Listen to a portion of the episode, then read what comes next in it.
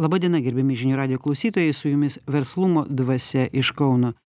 Taip mes kauno studijoje šiandien su mumis laidos autorius augustinas rakauskas. Augustinai sveiki. Laba diena. Mano kolegė edita marciulevičienė. Edita sveika. Laba diena. Ir aš ingrida stankevičienė. Visi pasaulyje vykstantys įvykiai priežasčių verčia ieškoti mūsų būsenoje. Viskas kas vyksta aplinkui mus mūsų šeimoj darbovietėj mūsų bendruomenėse visuomenėje valstybėje pasaulyje. Visa tai susiveda į mūsų būseną. Mes visi jaučiame kad vis stipriau mus spaudžia mūsų vidinio pasaulio nesuvokimas. Kas tai daro? Kas yra tas kas mumyse neduoda ramybės? Verslumo dvasios laidose mes tai vadiname subtiliu pasauliu. Subtilus pasaulis po truputį braunasi į mūsų gyvenimą. Ir mes turime mokytis jį pažinti atskleist štai augustinai jūs sakote kad žmogaus gyvenimo žemėje prasmė yra ištobulinti savo sielos dvasią ir tam kad žmogus galėtų išreikšti savo sukauptą dvasinį potencialą jis naudojasi šiame pasaulyje išgyvenamais jausmais. Jūs dar šitoj vietoj pabrėžiate kad yra svarbu kaip sakote nepakliūti į spąstus į priklausomybę nuo materialių daiktų ir nekurti šių stabų. Todėl verslumo dvasioje daug kalbame apie vertybines nuostatas ir apie pusiausvyrą bet čia kaip inga sako dauguma mūsų per įvairias situacijas ypač konfliktines susiduriame su savo būsena ir kyla daugybė klausimų apie tą vidinį pasaulį. Kaip susigaudyti kas vyksta mūsų sąmonėje? Kaip pradėt dirbti su šituo krūviu? Krūvis jis užima sąmonę ir jau negali jo išmest iš sąmonės.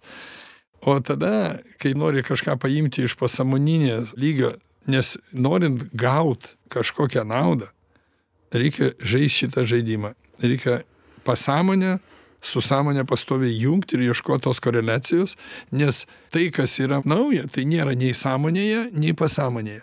Yra tame kas iš to gimsta iš tos diskusijos arba iš to samprotavimo arba iš jautimo ir galvojimo iš galvojimo ir jautimo. Jeigu šitą procesą pradedi sukt. Gerai o kaip galima sukti šitą procesą jei žmogaus pasąmonė yra užkimšta ir tiesiog jokia cirkuliacija tarp sąmonės pasąmonės vykti negali. E, seni stereotipai instinktyvios reakcijos pati primityviausia įtaka iš aplinkos ir aplinkos veikimas. Juk žiūrėkit kaip e, mes matome menininkus pagrindinė jų sąlyga aš siekiu būti laisvas kad aš galėčiau atsiverti kad aš galėčiau kurti ir taip toliau tai kam žmogus turi būti laisvas? Kam jisai turi atsiverti? Mes turim nebijot pripažint to subtilaus pasaulio įtakos mūsų kasdieniniam gyvenime. Kaip sako kaip danguj taip ir žemėj. Tai kaip žmonės kalba kaip jie galvoja ką jie skaito ką kalba kiti tai nuo to priklauso kaip jie jaučia kaip jie reaguoja. Tai čia yra dvi sudedamosios bet jos gimdo trečią. Jos arba teršia arba švarina atmosferą. Jos arba pripildo vienos dvasios arba kitos dvasios. Tai augustinai aš šito jūsų ir klausiu. Jūs sakot arba teršia arba švarina grynina tai kur visa tai patenka? Kas paskiau su tuo dirba? Kaip mes tai gauname? Visa tai atsiduria būtent subtiliam lygmenyje subtiliam pasauly tada pagal mūsų išsivystymo lygį kokie mes esam imtuvai kiek mes galime to paimti kiek pas mumi paruošta sielos būsena tiek mes galime rezonuot su tuo kas vyksta išorėje. Matot jūs jau kalbat apie brandžią sielos būseną ir apie jos rezonavimą. Su kuo jinai turi tą santykį? Čia yra būtent santykis subtilaus ir mūsų to jausmo ir proto. Subtilaus pasaulio kurio mes nematom apčiuopt negalim bet jis yra subtilus pasaulis yra ir jis veikia visada kaip šviesa kaip oras kaip bet kokia substancija. Bet kada mes būtent mes savo būseną galim pradėt su juo komunikuot? Šita vieta e, manyčiau yra labai svarbi. Jūs štai kalbate apie rezonavimą. Kaip subręsta šitas kontaktas? Kaip susiformuoja šitas santykis? Va šita vieta yra labai svarbi kaip aš pripildau šitą galimybę tam kontaktui su subtiliu pasauliu? Gal šitaip klausimas. Jį pildo. Jis tampa energetika tampa ta dvasia kuri pradeda vyraut ir imt viršų pavyzdžiui ties tais dalykais kurie buvo prieš kokią dešim penkiolika metų kurie sukeldavo tiktai apmaudą pyktį nepasitenkinimą fiziologija tokia vyksta santykių.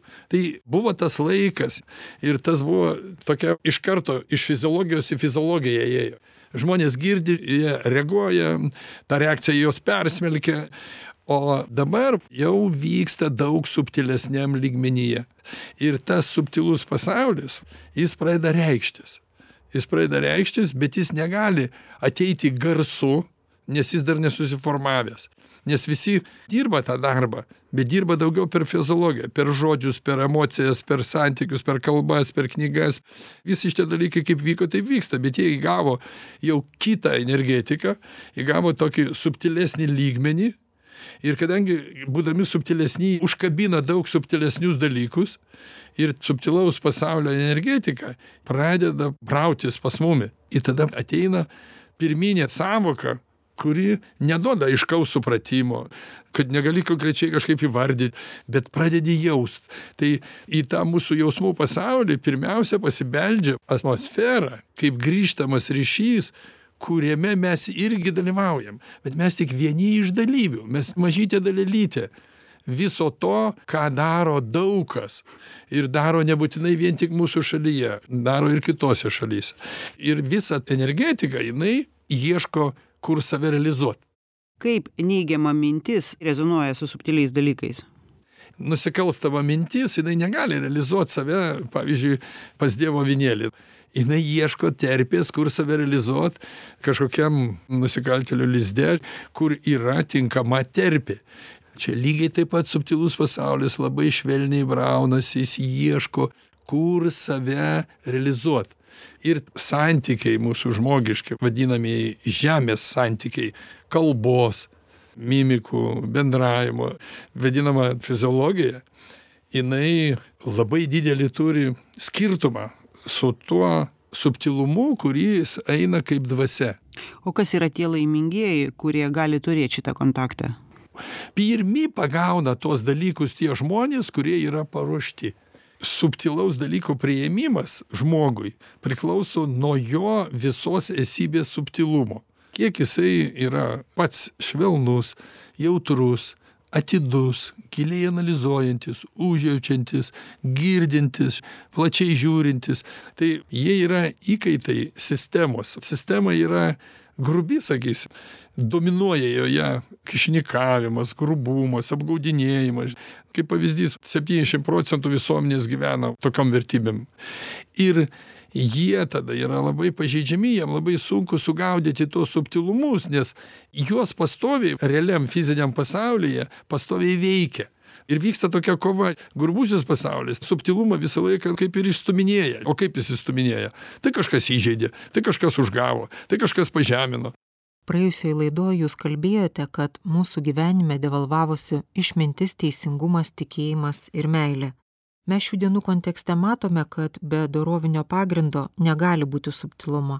Tai yra labai tampriai susiję. Sunku net patikėti kad subtilumo negalima išmokti iš knygų. Mes matome kiek daug intelektualų yra be doros. Yra daugybė žmonių kurie įvairiomis priemonėmis edukacinėmis ezoterinėmis bando pakilti virš grubaus pasaulio. Augustinai tai kaip tas subtilumas veikia tas subtilumas yra toksai persmelkiantis dalykas. Grubų pasaulį nepersmelksi atsimuši į jį. Jeigu mašina daiktas siena namas bet savybės žmogaus o dvasinės savybės jos yra persmelkiamos. Ir jeigu žmogus tiek yra ištikimas kodėl yra tikėjimas taip svarbus? Jeigu žmogus tiki šventai tom vertybėm kuriomis jis vadovaujasi jam niekas negali išmušti pagrindo. Jo niekas negali priversti tikėti kažkokiom tai kitom vertybėm kad pavyzdžiui atimti arba priversti yra gerai. Jisai įsitikinęs kad žmogaus negalima priversti ir negalima iš jo atimti kad reikia su juo susitarti. Reikia jį įtikinti kad jis ką nors darytų o ne priversti nes priversti jau eina veda į fizinį veiksmą. Atimti irgi jis nenori atiduoti o iš jo atimi. Kaip sako prichvatizuoji ką darydavo anksčiau visos revoliucinės santvarkos. Kas turi iš to atima atiduoda tam kas neturi. Kaip mes pamatėm kad tai tai nedirba tai nesuveikia. Tai tas neprisirišimas ir tas gebėjimas būt persmelkiamu kad tave tie grubumai pereikim vėl į subtilų pasaulį subtiliam pasauly kada grubus žodis tave nežeidžia kada tu supranti tą žmogų ir kur skaitau kad mum yra sunkiausia ir tie žmonės kurie siekia subtilaus pasaulio dėsnių subtilaus pasaulio nuostatų įtvirtinimo ką aš sudedu į tuos dalykus išmintis teisingumas tikėjimas meilė vat į tuos keturis faktorius.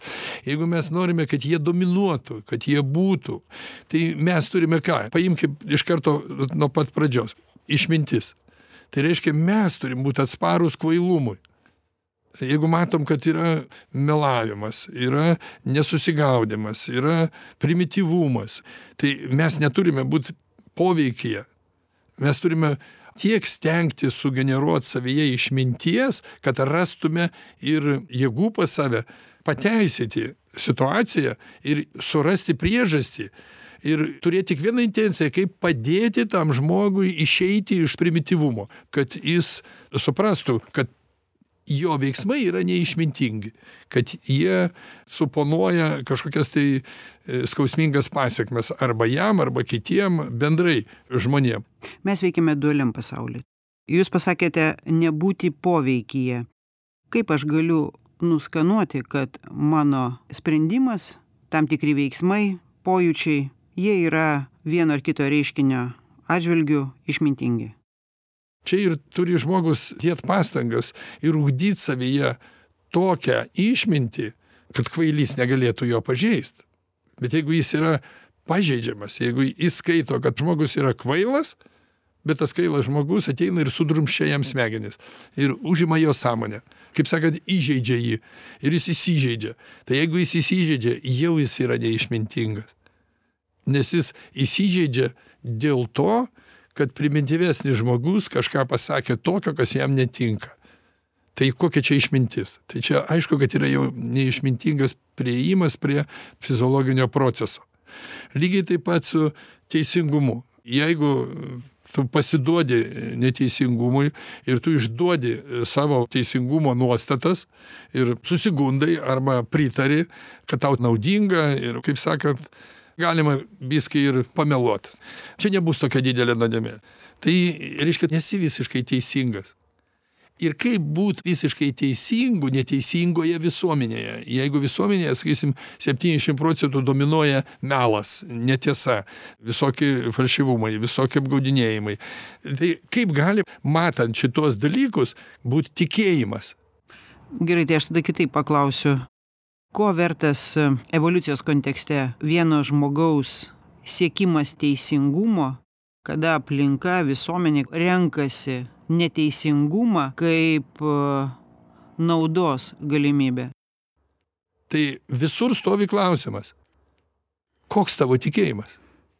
Ar tu tiki kad tas žmogus progresuoja aplamai žmonija? Jeigu tu pradedi žiūrėt į vienetą tai žemėje auga ir valgomi vaisiai ir nevalgomi. Yra kartūs ir yra saldūs bet jie visi reikalingi. Tik reikia juos kažkur tai pritaikyt reikia žinot kur juos pritaikyt bet jeigu tu pradedi kovot su kažkokiu vienu dalyku tai tu jau esi neišmintingas jau elgiesi neteisingai. Tada tu netiki kad tas daiktas irgi reikalingas visuomenei na gerai tai jeigu aš taip siaurai tik savo individualiam kontekste imu išmintį teisingumą tikėjimą meilę tai kokiais parametrais aš vadovaujuosi nusistatydamas tarkim meilės nuostatą? Jeigu tu renkiesi ir sakai man jis geras aš jį myliu už tai kad jis geras. O tas blogas aš jo nemyliu tai ar čia meilė ar čia meilė žmonijai ar čia meilė žmogui. Tai šitoj vietoj kai sakau kad devalvavosi šitos savybės tai turiu omeny kad labai sudėtinga šiandieną žmonėm būti ištikimiem išmintingam priėjimui teisingam sprendimui tikėjimui meilei yra be galo sudėtinga. Ir kuo didesnis spaudimas kuo tas procentas didesnis tų žmonių kurie nesivadovauja tokiais dalykais. Jie ignoruoja sako a kas čia tu nu? Jie dar giria vienas kitam tapšnoja per petį pavyzdžiui du draugai ir sako gerai tu ten jį padarei. Čia atsakymas yra kodėl mes darom tas laidas rašom tas knygas. Kodėl mes kalbam apie tai kas didžiajai daliai visuomenės atrodo kad to visai nereikia ir kad čia kalba neaišku apie ką ir neaišku dėl ko ir kokią čia duoda naudą tos kalbos. Čia ir yra tikėjimas kad mes tikime kad lašas po lašo vis tiek pratašo tai mes esam mažuma. Retai kas gvildena tokias temas kurias mes gvildenam. Bet todėl mes jas ir gvildenam. Dėl to kad kuo daugiau prisidėti prie tos teigiamos dvasios kuri blokuoja progresą negatyvo. Išminties teisingumo tikėjimo ir meilės šaknys yra tam subtiliam lygmeny bet žmogus susiduria su grubia energetika ir jam reikia turėti stiprų ryšį su subtiliu pasauliu kad jis galėtų atlaikyti. Taip turi būt stiprus tikėjimas turi būt didelė meilė žmonėm klystantiem. Bet tu sakai atlaikyti sakyčiau kad pradžioj pokalbio kalbėjau ir ir noriu pabrėžt turiu omeny kad mes turim ugdyti tas savybes kad mūsų būsenoje neapsistotų tie negatyvai kad jie negalėtų šeimininkauti mumyse kad mes būtume tie tokie perskrodžiami kad praėjo bet nepažeidė. Nu kaip sako mum meta blogą žodį kaip akmenį o mes esam nepažeidžiami mes praleidžiam kodėl mes nepažeidžiami mes esam todėl nepažeidžiami kad mūsų tikėjimas stiprus kad mūsų meilė didelė ir kad mes galime neutralizuoti tai. Mes neleidžiam apsistoti nestiprinam blogio. Kalbu idealų variantą kaip turėt ko siekiam siekiamybė. kaip atrodo mūsų veikimo pasekmės. Vat šitam grubiam pasauly taip atrodo mūsų pasekmės. Bet dabar jūsų žmogus kiekvienas paklaustų ir aš paklausčiau augustinai kaip tada reikia užmegzti ryšį su tuo subtiliu pasauliu kaip pradėti jį jausti kaip man turėt nuolatinį tą kontaktą kad e, aš būčiau šitoj visuomenėj kuri yra tokia nesubalansuota sugebėčiau būti tam nuolatiniam ryšy. Kodėl mes ir užkliūnam ant šito dalyko kad mes ieškom konkretikos mes ieškom arba technologijos arba simbolio arba kažkokios kitos priemonės kuri kuo greičiau mum padėtų su tuo e, susitvarkyti ir nugalėt tuos visus negatyvius reiškinius kurie mumis supa į mum eina visą laiką apeliuoja į mūsų vidų. Ir kaip čia dabar padaryt? Čia vėl grįžtam į tą pačią vietą kur sakiau kad knygoj rašyta daug apie tuos dalykus kad jeigu tai būtų galima padaryti kaip sakant kažkokiu tai vienu ypu ar viena kažkokia sudėliota technologija kaip daugybos lentele. Tai jau senai būtų žmonija tai padarius. Bet deja tai yra amžinos evoliucijos procesas. Ir jeigu tai būtų galima padaryti jau būtų galima kvestionuot kaip subtilų pasaulį kaip gėrį kaip prašvitėjimą bet deja kad taip neįvyksta čia yra procesas ir tame ir slypi žmonijos egzistencija kad žmonės tuom ir skiriasi nuo e, gyvūnų kad jie tobulėjimui ribų neturi jie visą laiką gali tobulėti. Kokie jie bebūtų tobuli ir kaip jie šiam gyvenimo etape įvaldytų komunikavimą su subtiliu pasauliu ir kaip jie betaptų nepažeidžiami tokie kaip mes čia bandom juos apibūdyt vis tiek tuom tobulėjimas nesibaigs. Vis tiek kol nors vienas žmogus pasaulyje gyvens tol šitas procesas tęsis. Ir tol žmonija evoliucionuos ir visą laiką ieškos tų tobulesnių ir šviesesnių būdų. Kas vyks paskui šiandien mes pasakyt negalime. Gal tiktai fiziologinė struktūra pasikeis mūsų o mes kitam lygyje sieksim to paties. Šviesos lygyje ar stichijų lygyje šito pasakyt negaliu. Bet faktas tas kad mes turime žinoti kad čia yra kantrus ilgas pasiaukojantis darbas.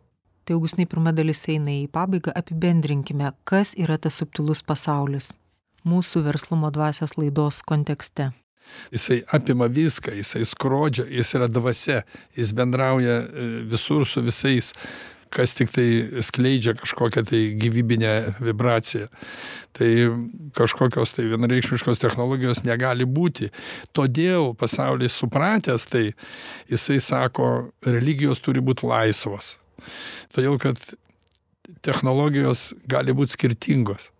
Svarbu kad jos visos tarnautų tos dvasios suformavimui kad subtilaus pasaulio dvasia augtų kad vertybinės nuostatos visą laiką tobulėtų.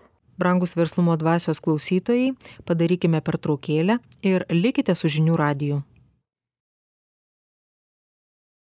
Mėly klausytojai, verslumo dvasia antra dalis mes vėl Kauno studijoje. Kalbame su žinių radijos savininku, laidos autoriumi, verslininku Augustinu Rakausku. Pirmą dalį pabaigėme mintimis apie tai, kad mes nuolat ieškom technologijos, kuri galėtų būti kaip programa kuri padėtų mums nugalėti negatyvius reiškinius kurie mus supa kelia įtampą. Ir mes žinome kad tos jėgos galim gauti iš subtilaus pasaulio. Kai kalbėjom apie subtilaus pasaulio veikimą jūs atkreipėt dėmesį kad per prievartą negalima padaryti tų vidinių žmogaus sielos dvasią tobulinančių korekcijų. Tai prašom pratęskit šitą mintį pagal žmogaus išsivystymo lygį jam reikalingi jo dėsningumai kad jo sąmonė galėtų augt kad jinai galėtų evoliucionuot kad jinai galėtų keistis. Tai jis turi praeit. Ir mano posakis kai aš visada sakau gyvenimo neapgausite. Nebandykite jūs apgaut evoliucija mes čia staigiai paimsim ir pakeisim žmogų pakeisim jam nuostatas. Nesidaro tai iš karto. Mes galvojam kad mes žmones pakeičiam iš tikrųjų jie pasikeičia patys. Ne mes juos pakeičiam nes jie renkasi ką priimt į savo sąmonę ko nepriimt. O kaip vyksta tas pasirinkimas? Jie priima tai kas koreliuoja su jų išsivystymo lygiu. Ir tu šito nepažeisi neapgausi. Tu gali laikinai jam suformuot. Bet jeigu tu jį palieki vieną laisvą tai man yra daug buvę tokių atvejų žmonės sako kaip čia yra sako kai aš sėdžiu su jum kabinete ir kalbu sako aš tikiu. Sako man rankos niežti eit ir daryti taip? Užtenka išeit į kalidorių susitikti kitą žmogų kuris kitam visai e, lygmeny pradeda kalbėt apie kitus reikalus. Ir sako tai ką aš kalbėjau ir ką aš jaučiau savyje kažkur išnyksta. Tai ir reiškia kad žmogaus sąmonės lygio kitam neduota pakeist negali apgaut tos evoliucijos kokią jis turi praeiti kad jis ne tik kad suprastų ir išgirstų kodėl sakom žinau tai nereiškia galiu. Negali paimti jeigu trūksta proto įkalt kažkokių minčių. Ne turi dėsnį rodyt tu turi jam sakyt klausyk tau dominuoja tavo supratimas o mes tada bandom ką? Sužadyt jautimą. Sužadyt jausmus kad žmogus pradėtų jaust kodėl jis taip galvoja ką jis mąsto kodėl pas jį tokia nuostata. Tai šitas harmonizavimas žmogaus sprendžia problemą. O žmogus negali iš save arba vien tiktai jausmais operuot arba vien tik protu. Jis gali tik dvasia. Nes reikia jo žmogaus būseną paversti harmoninga dvasia o paverst tu negali ne burtininkas nepaversi bet tu gali papildyt ko trūksta. Ir to nepaimsi čia ne vandens trūksta kad paėmei kaip mašinai radiatorių dapylei. Tu po truputį galima sakyt taip garo pagalba mes kaupiam kondensatą kuris papildo vandenį. Tai įsivaizduok kiek reikia dirbt kiek reikia to garo sukaupt kad tos drėgmės susikauptų kiek ten trūksta. Čia yra procesas. Ir tas žmogus turi pats priimti tą jis pats turi to norėt nes mes jo nepripilsim nuo to kokia harmonija pas mus viduj nuo to priklauso kokią dvasią mes skleidžiam. O pas mus dažniausia būna dominantė. Ne dvasia o dominantė. Mes jeigu mes išlendam tai pas mus kažkas ant mūsų strėlės priekio. Arba protas, arba jausmai. Ir mes visą laiką badomės vieni su kitais. Arba su jausmais, arba su protu. Arba su argumentais, arba su dausaujam. Kodėl, pavyzdžiui, netgi tas pavyzdys strėlės. Kad būtų strėlė, jinai turi turėti ir vieną, ir kitą. Du turi turėti, kurie sudaro smaigalį. Jo? Bet esmė tai jėga eina per vidurį, kurią išlanko mes įstumėm. Taip, pusiausvyrą turiu. Jo, tik tokiu atveju susiformuoja energetika. Ir jeigu mes turim ir jausmą, ir protą, tai mes skleidžiam tada harmoningą dvasią. Ir tada ta mūsų strėlė eina jinai tiesiai į tikslą. Žmogus tada pajunta, kad tikrai jį persmelkia suvokimas ir jeigu jisai tą suvokimą priima, jeigu jis gali jį priimti, tai jeigu jo įsivystymo lygis leidžia, tai jis priima tą informaciją bet paprastai mes gi visi labai egoistiškai labai norim greitai kad priimtų labai norim daug ir mes nenorim dirbti su žmogum. Mes norime jam kaušą atidaryt ir pridėt košės. Ir sakyt va čia tavo tas molis niekam tikęs mes tau va pridrėbsim čia klausyk mūsų. Kalbam apie jausmo ir proto pusiausvyrą ir apie dėsningumų išmanymą kad mokėjimas jais naudotis neleistų dominuoti mūsų ego tas kaip naudotis čia yra silpna grandis ir kaip naudotis kaip tam žmogui e, susitvarkyt su savo ego ir kaip pajaust. Tai keistai galbūt nuskambėtų bet su ego reikia nugalėt ego savyje. Nes tau vis tiek reikia pastangų kad tu pastumtum save kaip reikšmingą kaip žinantį į šoną ir parašęs kažkur tokius žodžius kad paradoksaliai atrodo bet išspręst savo problemas mes galime rūpindamiesi kitais žmonėmis. Jeigu mes rūpinamės patys savo problemom tai jų praktiškai mes negalime išspręsti todėl kad jų išsprendimas priklauso nuo mus supančių žmonių. Nes mum ir nebūna jokių problemų. Pas mumi visos problemos kurias mum padaro žmonės sukuria. Net jeigu mes patys sau susikuriam problemą tai ją susikuriam todėl kad mum padėjo arba padarė tokias sąlygas arba prielaidas tokias mus supantys žmonės santvarka įstatymai taisyklės neteisingumai. Ir mes finale atliekam kažkokį veiksmą kuris sakysim yra jau mūsų kaip blogas veiksmas. Bet mes tai vieni patys to atoveiksmio nesugalvojom nes mūsų blogas veiksmas paprastai būna atoveiksmis. Pasekmė e, mūsų auklėjimo mūsų gyvenimo būdo mūsų tėvų mūsų socialinės aplinkos mūsų darbovietės. Kažkas ne taip padarė kažką ne taip pasakė. Mes žiūrėk nutrūkom ir sakom mes patys sukėlėm konfliktą. Aš nutrūkau sako jo aš kaltas atsiprašau. Augustinai jūs sakot ego galima nugalėti ego. Bet jūs nuolat teigiate kad mes vystomės tik dėka kaitos. Ir nuolatinio vystymosi eigoje augdami mes auginame savo vertybes tam kad tomis vertybėmis galėtume nugalėti ir tą augantį ego. Bet va čia būtent kaip sako vyksta nuolatinė kaita žmoguje. Ir kai pas mus tolerantiškesnis e, harmoningesnis formuojasi jausmo protas. Jis pasidaro tikrai subtilesnis pasidaro bet jis todėl ir gali kaip sako užglostyt tą mūsų grubųjį ego ir gali jį suminkštyt padaryt tolerantiškesnį. Todėl kad mūsų sąmonė jinai pradeda analizuot pradeda suvokt ir mes pradedam galvot kad palauk aš blogai elgiuosi bet tam kad mes pradėtume tai daryt mes turime jaust. Nes jeigu mes ne nepajuntam tai mes ir nežinom kad mes blogai darom. Bet mes kada pradedam jaust čia ne fiziologija čia yra jausmo ir proto santykis. Bet be fiziologijos mes nesužinosim šito. Nes mūsų neinspiruoja organinė struktūra kažkokio pojūčio kad mes kažką ne taip jaučiam mum neskauda mes nieko nejaučiam mes neužjaučiam kito žmogaus mes nejaučiam kad jam skauda kad jam blogai. Tai mes kaip terminatoriai tada dirbam. Yra dostojevskio toks romanas e, idiotas ir ten e, kalbama pagrindinis herojus kunigaikštis miškinas ir jam sako jūs sako kunigaikšti esate toks teisingas kad tas jūsų teisingumas kurį jūs skleidžiate. Tampa kaip nuodėmė. Vėl surišta su tuo pačiu ego. E, ir žmogus kai sako jis gerumu irgi gali naudotis gali piktnaudžiaut ir gali e, ne tik sau kenkt bet gali kenkt ir kitiem žmonėm. Kodėl sako gerais norais kelias į pragarą grįstas. Kodėl sako visuomenė žmonija yra vienas organizmas čia aš taip teigiu ir ir esu giliai įsitikinęs kad taip yra kad mes sudarom vieną organizmą visa žmonija.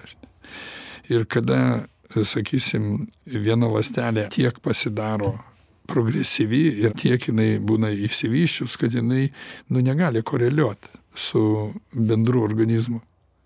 Tai pas mumis, sako, būna fiziologija, jeigu čia palygyt kaip pavyzdį, tai mes sakom, gerybinis auglys išaugo, reikia išpjauti. Bet jis auglys, nors jis gerybinis organizmas kaupia kažkokias riebalines sankaupas ar ką nors kaip rezervus. Žiūrim kad jau turim guzą kažkur. Ir tas guzas jisai kaip ir svetimkūnis. Tai kada žmogus pradeda savo gerumu eksploatuot vidutinę masę žmonių pradeda darytis jiem kančia ir ego pradeda tuom piktnaudžiaut to gero žmogaus tai tada jis tampa nuodėmingas jo gerumas tampa kaip nuodėmė. Nes todėl ir sako, nėra nei gerų, nei blogų žmonių. Visi žmonės yra tik žmonės. Kada žmogaus vertybinis pamatas auga ir, ir jis tampa, kaip jūs sakote, vis tolerantiškesnis ir gali apimti visuomenės organizmą, tada tą grūbų kietą ego švelnumas, subtilumas sugeba valdyti tą grubią masę. Tas grubumas tampa pavaldus tai substancijai kuri nematoma noriu pabrėžt trečioj knygoj šitą bandau aprašyt. Kodėl skaitau kad žmogus būdamas žmogumi evoliucionuodamas žmogaus organizme jis tik žmogumi ir gali būt kol jis gyvena kūne. Jis negali skleist tik dieviškos dvasios. Jis nežmogiškumas jame vis tiek dalyvauja. Ir kai sako kad dievas apsireikš tarp mūsų ir kai kristus sakė aš dabar sėju o derliaus ateisiu nuimti vėliau tai mes negalime atgaivinti dievo dvasios pavieniui turi susiformuot kritinė masė mūsų žmonijos organizme, kad mes pradėtume įgaudinėti dieviškumo savybės. Realiai, materialiam pasauliu.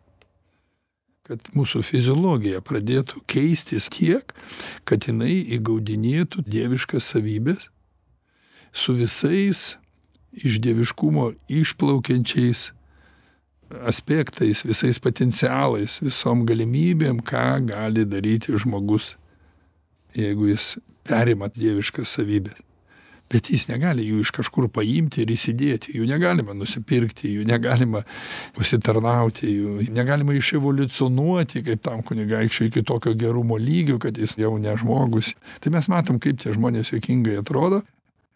Tai kol žmonės nesuformuos kodėl aš dabar skaitau kad labiausia reikia atkreipt dėmesį į dvasią ne į santykius ne į kitas visokias edukacines formas. Reikia šiandieną sukoncentruot visą dėmesį į dvasią nes tik pers tik dvasia gali persmelkti mūsų būsenas ir įnešti mum naują suvokimo lygį naują savijautą naujus jausmus išplėtot mūsų būsenose, daug subtilesnius, daug jautresnius, kurie skleidžia jau daugiau negu žmonišką dvasę.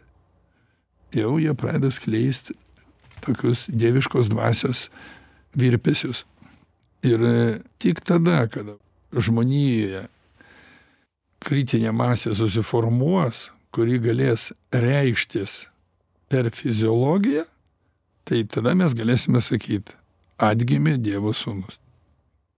Nes antrą kartą žmogaus kūno apsirengęs mesijas tikrai neteis. Ir nėra prasmės ir tikslo. Jeigu visuomenė kritinė masė neparuošta, tai kas laukia to mesijo? To paties. Tas pats laukia ko, kas atsitiko su Kristu. Nes jis tiesiog bus svetimkūnis, auglys, jisai krislas sakysi. Ir kitaip ta visa religijos doktrina, jinai būtų beprasme. Nes Kristus niekad ne, neskleidė tiesų, kurios būtų orientuotos į, į vieną asmenį. Jis visą laiką rūpinosi visuomenė. Visą laiką rūpinosi visais žmonėmis, net kitatikiais. Visos intencijos yra orientuotos į tai, kad žmonėje keistusi. Ir čia ir yra pagrindinis, kaip sako, privalumas šitos e, religijos. Jūs tokioje perspektyvoje išdėliojote jausmo naudingumą mūsų visuomenėje savo paties būsenoje, santykiuose ir šeimoje, ir, ir darbe, ir visų, iki kiek yra naudingas ir perspektyvus jausmo eksploatavimas santykyje su protu. O kaip pradėti norėti, kad manyje tai, kad aš galėčiau to naudotis? Mes tam turim protą ir čia veikia vėl ta pati aksiominė taisyklė. Mes su protu daug lengviau galime prieiti prie šito lūžio, žiūrėdami į kitus žmonės. Kodėl yra pasakyta, jeigu jums sunku, eikite pas labiau vargstančius. Kai mes norime sužadinti savo jausmus, mes turime ieškoti, kas kenčia labiau už mumi. Mes turime žiūrėti į tos žmonės, analizuoti, gilintis ir tada mūsų tas suakmenėjęs jausmas pradeda žadinti, pradeda būst. Nereikia daug kalbėti apie jausmą, jeigu mes mylim žmogų ir jam atsitinka kokia nors bėda. Net ir be atsitikimo bėdos mes išleidžiam vaiką ir mes rūpinamės ir mum mes jaučiam. O jeigu jis grįžta nelaimingas arba nedaug dievė su mėlynė po akim, tai mes iš karto pradedam jaust savo fiziologiją į jį. Bet čia pirminis kelias, kada mes jaučiam ir plėtojam tą jausmą tik tai su artimais, su savo šeimos nariais, paskui su savo gyvūnėliais, jeigu tokius laikom, paskui su giminėm, paskui su kaimynais, su e, artimais žmonėmis, mūsų rato žmonėmis. Bet laiko ir progreso klausimas ir mūsų, kodėl vat, demokratijoje labai reikalingas ta tolerancija. Todėl, kad mes turim toleruoti ir kitus žmonės. Mes turime dairytis ir žiūrėti, o kaip kiti žmonės, kaip jie ir kai mes gyvenam tik savo artimų žmonių nelaimių rate, kaip uždaram tokiam, nes išoriai ne visi žino, kas pas mumi namuose ir, ir, ir dėl ko mes kenčiam. Bet kiti, kada žmonės kenčia, mes irgi nežinom, kas pas juos namuose. Bet kai mes pradedam domėtis, kai mes bendraujam, kai mes pradedam stebėti, mes labai dažnai pajuntam, kad pas tą žmogų kažkas negerai. Mes pradedam klausinėt, sakom, kas tau negerai, ko tu nusiminęs. Mes dalinamės, o paskui pareinam namo ir galvojam apie tą žmogus, kuris su mumis pasidalino savo skausmu arba savo bėdom kažkokiam, kaip ir savo sėkmėm.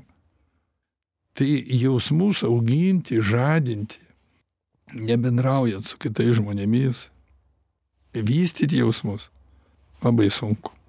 Aišku, tie žmonės mums paveda, įžeidžia, atstumia, būna nedėkingi, būna, e, kad bandai padėti, gal tau ir ranką kanda, bet tai ir yra jausmų žadinimas. Kada kalbu, kaip pavyzdžiui šiandien kalbu, tai galvoju, čia tik apšilimas gal įeisiu į tai ką norėčiau pasakyt bet kaip taisyklė kalidoriais pavaikštau tiktai taip ir neįeinu į esmę.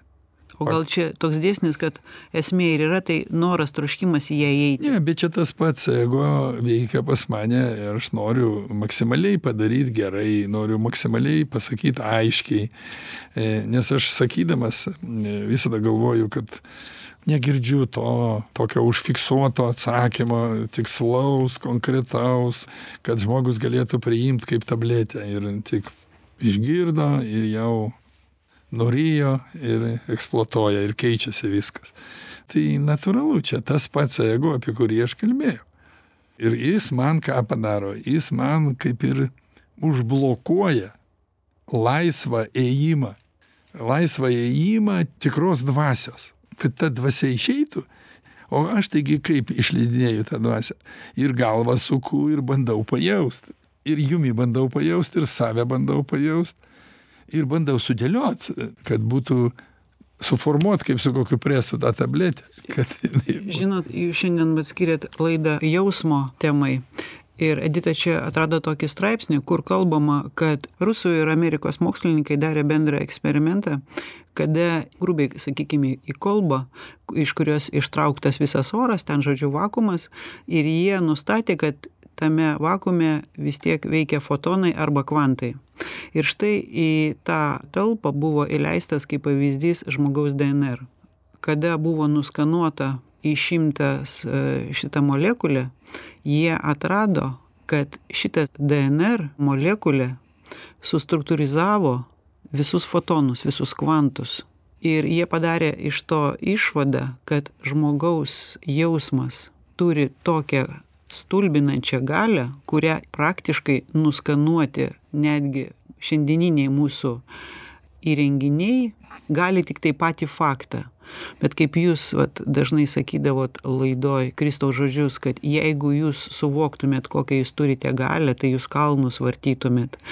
Tiesiog jūs šiandien daug kalbėjote apie dieviškumo savybes kad mes iš tiesų savo tuo šiandieniniu protu nesuvokiam neturim nei tų parametrų kokia galia yra mumyse kurios mes negalime nei atvert kadangi mūsų toks tarpusavio žemas lygis bet kaip jūs sakot atitinka mūsų išsivystymo lygį Ir čia jūs, Augustinai, kai sakėt, kad jūs įsitikinęs, kad žmonėje yra vienas organizmas, aš čia kaip tik citatą iš to straipsniuko paskaitysiu. Žmonės, gebantis pajausti gilų meilės jausmą, geba keisti savo DNR formą.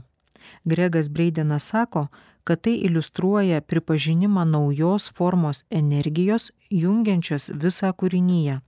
Ši energija panašu yra tankiai suaustas tinklas, jungiantis visa, kas materialu.